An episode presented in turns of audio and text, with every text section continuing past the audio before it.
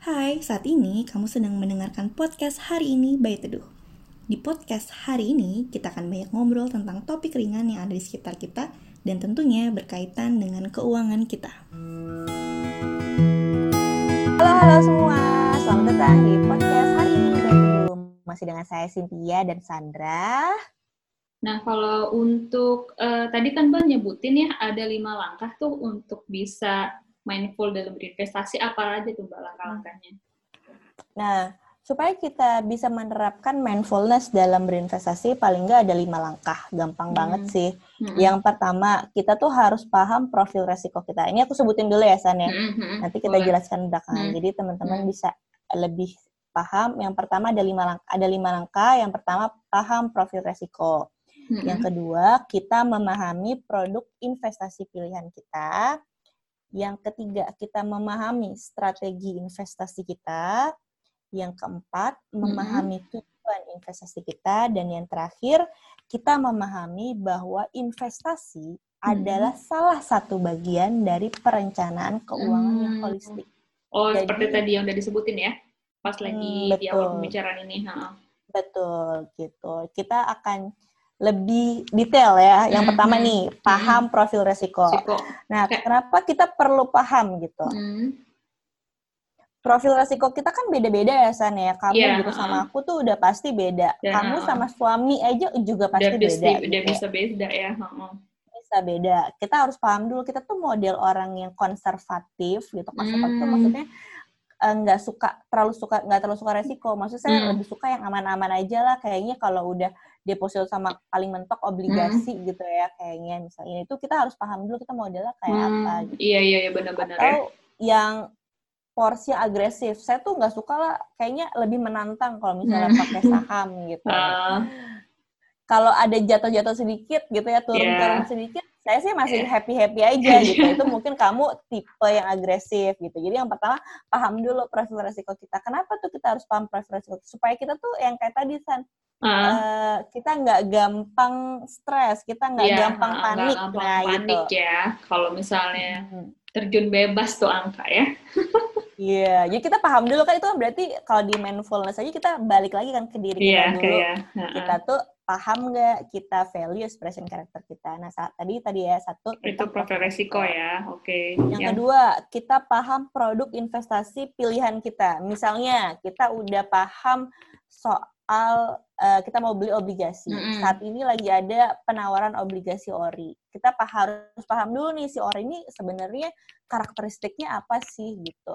Jangan sampai kita beli ori, ternyata kita setelah beli baru sadar kalau uang kita ketahan tiga tahun. Mm, Sedangkan iya, kita iya, mau iya. pakai dalam iya, waktu satu tahun. Nah, jadi kan itu berarti tidak paham kan? Iya, Akhirnya nanti ketika mau dipakai kita panik, loh kok nggak bisa gitu. Hmm. Walaupun sebenarnya di Ori sendiri kita bisa melakukan uh, penjualan di pasar sekunder, tapi kan misalnya tadinya niatnya nggak gitu nih, ceritanya mau hmm. uh, pegang sampai maturity. Akhirnya makanya itu kita perlu paham dulu uh, produknya ini tuh seperti apa karakteristiknya supaya tadi apa keuntungannya supaya kita nggak gampang panik ketika memang dana itu ternyata harus dibutuhkan gitu. Dan iya, kita oh. juga harus hmm salah satu syarat untuk hmm. kita memilih produk dengan rasional ya San. Iya betul. Berarti salah satu yang jadi uh, poinnya itu paham itu paham konsekuensinya ya apa pun instrumen yang kita pilih berarti ya. Hmm, karakteristiknya dulu nih iya, si karakteristiknya si produk itu dan konsekuensi atas pilihan kita. Oke, kalau untuk langkah nah, yang selanjutnya yang selanjutnya kita adalah memahami strategi investasi kita. Jadi San, mm -hmm. uh, strategi investasi tiap orang itu bisa bisa beda, beda loh beda, dan ya. hmm. nggak apa-apa beda gitu. Ada yang tipe orang yang seneng strategi investasi itu trading. Saya sukanya trading tiap hari gitu. Mm. Karena karena saya punya target tertentu. Targetnya misalnya pokoknya di akhir tahun saya mau mencapai 20%. Mau nggak mau saya harus trading hmm. gitu. Atau saya modelnya yang, aduh saya mah nggak bisa ya trading, saya maunya mah pokoknya rutin aja ya beli hmm. reksadana secara rutin ya. dan gitu pokoknya dilimpahkan aja lah sama manajer investasi percaya percaya aja nah itu yang kita harus bikin nih strategi apa jadi strateginya ini juga akhirnya kenapa kita bisa memilih strategi trading misalnya atau -hmm. kita membeli strategi yang dolar cost averaging kayak tadi beli reksadana yang hmm. terus-terusan tiap bulan secara rutin itu kembali lagi kan ke kita. Kita tuh orang kayak apa? Kita paham nggak produknya gitu. Jadi emang itu adalah salah satu strategi yang harus kita pilih gitu. Jadi bisa aja kayak kamu sama aku modelnya beda. Karena ini kembali berpihak ke kita yang paling terbaik buat kita tuh apa. Jadi nggak boleh kayak ikut-ikutan ya. Maksudnya gini ih dia kalau trading bisa dapat untung sekian sekian sekian gitu. Terus kayak jadi pengen tertarik gitu nggak bisa ya Jadi kalau aku sih sarannya kamu boleh mencoba. Uh -uh kan kita kan harus mencoba ya namanya ya, biar kayak tahu misalnya ya. kita belum tahu kan hmm, misalnya hmm. kita mau mencicipi makanan gitu hmm. ya kita kan cobain dulu ya kalau hmm. misalnya ternyata kita nggak suka hmm. mungkin ya udah ditinggalin tapi hmm. ketika kita mencoba ya tolong porsinya kecil-kecil dulu gitu hmm. ternyata icip, modelnya nggak cocok ya. icip dulu gitu hmm, kira-kira hmm. sesuai nggak ya sama hmm. kita kalau nggak sesuai ya jangan kita cari metode yang lain jadi aku sih encourage untuk mencoba hmm. tapi kalau ternyata itu tidak cocok dan tidak sesuai dengan kita ya jangan dipaksakan. Oh oke, okay. siap siap. Hmm.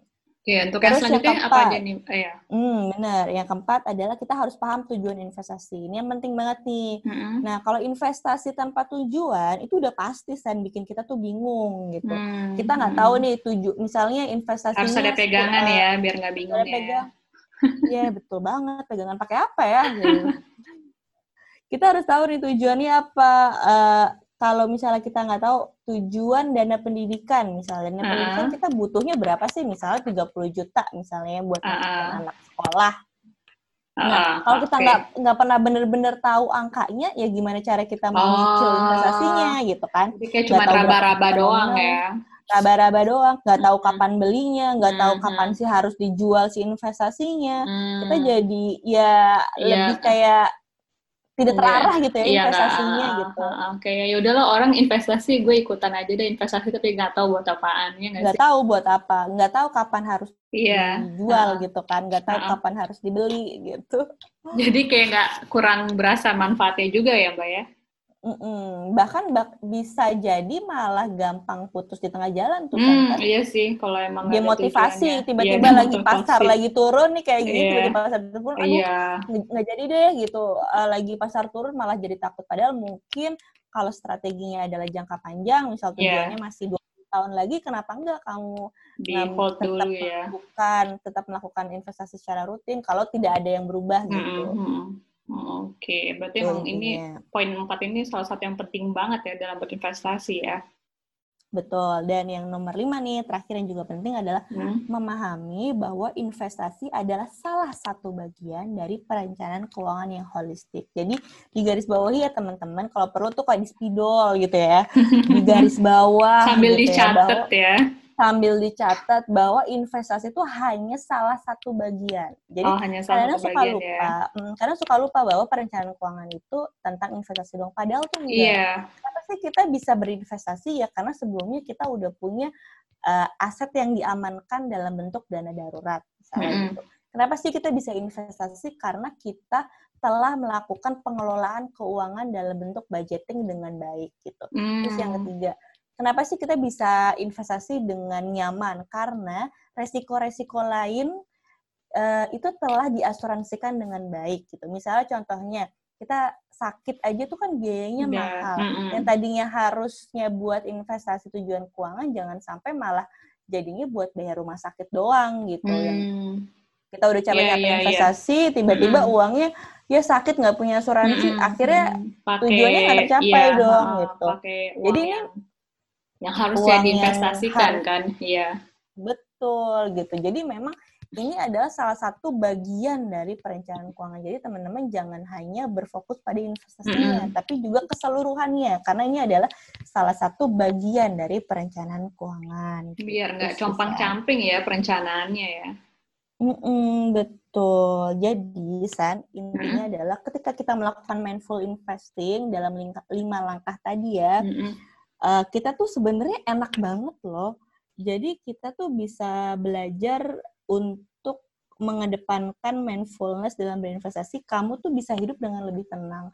Kamu bisa tetap berinvestasi dan tetap kerja dengan fokus gitu. Karena kamu tahu nih investasi hmm. kamu tuh untuk jangka panjang, untuk tujuan A, B, C, D. Kamu tuh juga masih tetap bisa berkarya walaupun misalnya dalam kondisi perekonomian yang tidak baik karena kamu tahu gitu kamu telah menempatkan uh, uang kamu di produk investasi yang beragam jadi hmm. kamu lebih secure itulah intinya dan enaknya kalau hmm. kamu punya uh, atau berinvestasi dengan mindful oke jadi intinya nih membuat kita jadi lebih apa ya lebih tenang sih sebenarnya ya kalau seandainya kita benar-benar hmm. tahu apa yang mau kita investasikan terus tujuannya apa Hmm, betul. Jadi memang tujuan dari sebuah perencanaan keuangan yang holistik itu adalah kita mendapatkan ketenangan dalam hidup hmm. kan. Hmm. Kita bisa berfokus kepada apa yang kita suka gitu. Hmm. Jadi kita uh, kita tetap perlu berinvestasi, kita perlu bekerja, kita iya. perlu yeah. melakukan kegiatan yang kita suka hmm. dan itu udah berjalan dengan baik gitu tanpa hmm. kita terlalu banyak khawatir gitu lah. Yeah, intinya. Jadi enaknya kalau yeah. kita melakukan sesuatu dengan mindfulness itu. Iya, jadi lebih fokus ya. Betul, Sam. Mm -hmm, jadi lebih fokus. Oke deh, berarti tadi ini menarik banget Mbak. Jadi investasi itu kita juga perlu tahu, perlu sadar penuh ya dan hadir utuh mm -hmm. ketika memilih apa ya namanya memutuskan untuk berinvestasi dan tadi ada lima langkah ya biar ya, lebih langkah. nyaman dan tenang ketika hmm. ingin berinvestasi dengan mindful dengan mindfulness ya mbak ya. Hmm. Okay. Betul. Dan, dan tadi mungkin bisa diulang lagi kalau kamu udah melakukan lima langkah tadi, kamu nanti bisa mendapatkan keuntungan dari mindful investing ada tiga. Hmm. Kamu jadi nggak gampang panik satu, kamu yang kedua nggak gampang nyalahin orang lain gitu. Terus yang hmm. ketiga kamu dapat memilih produk dengan rasional. Ya? Hmm. Nah gitu. Oke deh. Eh, berarti ini bagus banget ya mindfulness ini. Jadi bisa hmm. apa ya? Apalagi dalam finance ya. Jadi nggak ikut-ikutan dan juga kita nggak terlalu reaktif ya sama apa yang hmm. terjadi hmm. di sekitar betul, kita. Betul. Betul. Intinya fokus ke diri kita sendiri. Jadi lebih lihat ke ke diri kita ya, mundur dalam satu diri langkah. Ya. Hmm, hmm. Hmm. Oke deh. Sip. Ya, terima kasih ya teman-teman sudah mendengarkan kita di podcast hari ini. Okay, tetap dengerin kita, dukung kita, share podcast ini ke teman-teman kamu yang membutuhkan juga. Iya, oke okay deh. Ya, terima Siap. kasih. Terima kasih banyak Mbak Cynthia. Terima kasih semuanya. Kasih, Dadah. Terima kasih semuanya. Dah. Terima kasih kamu telah mendengarkan podcast hari ini by Teduh. Di episode berikutnya, kita masih akan ngobrol tentang topik menarik seputar kehidupan dan keuangan. Jangan lupa untuk sisihkan waktu buat dirimu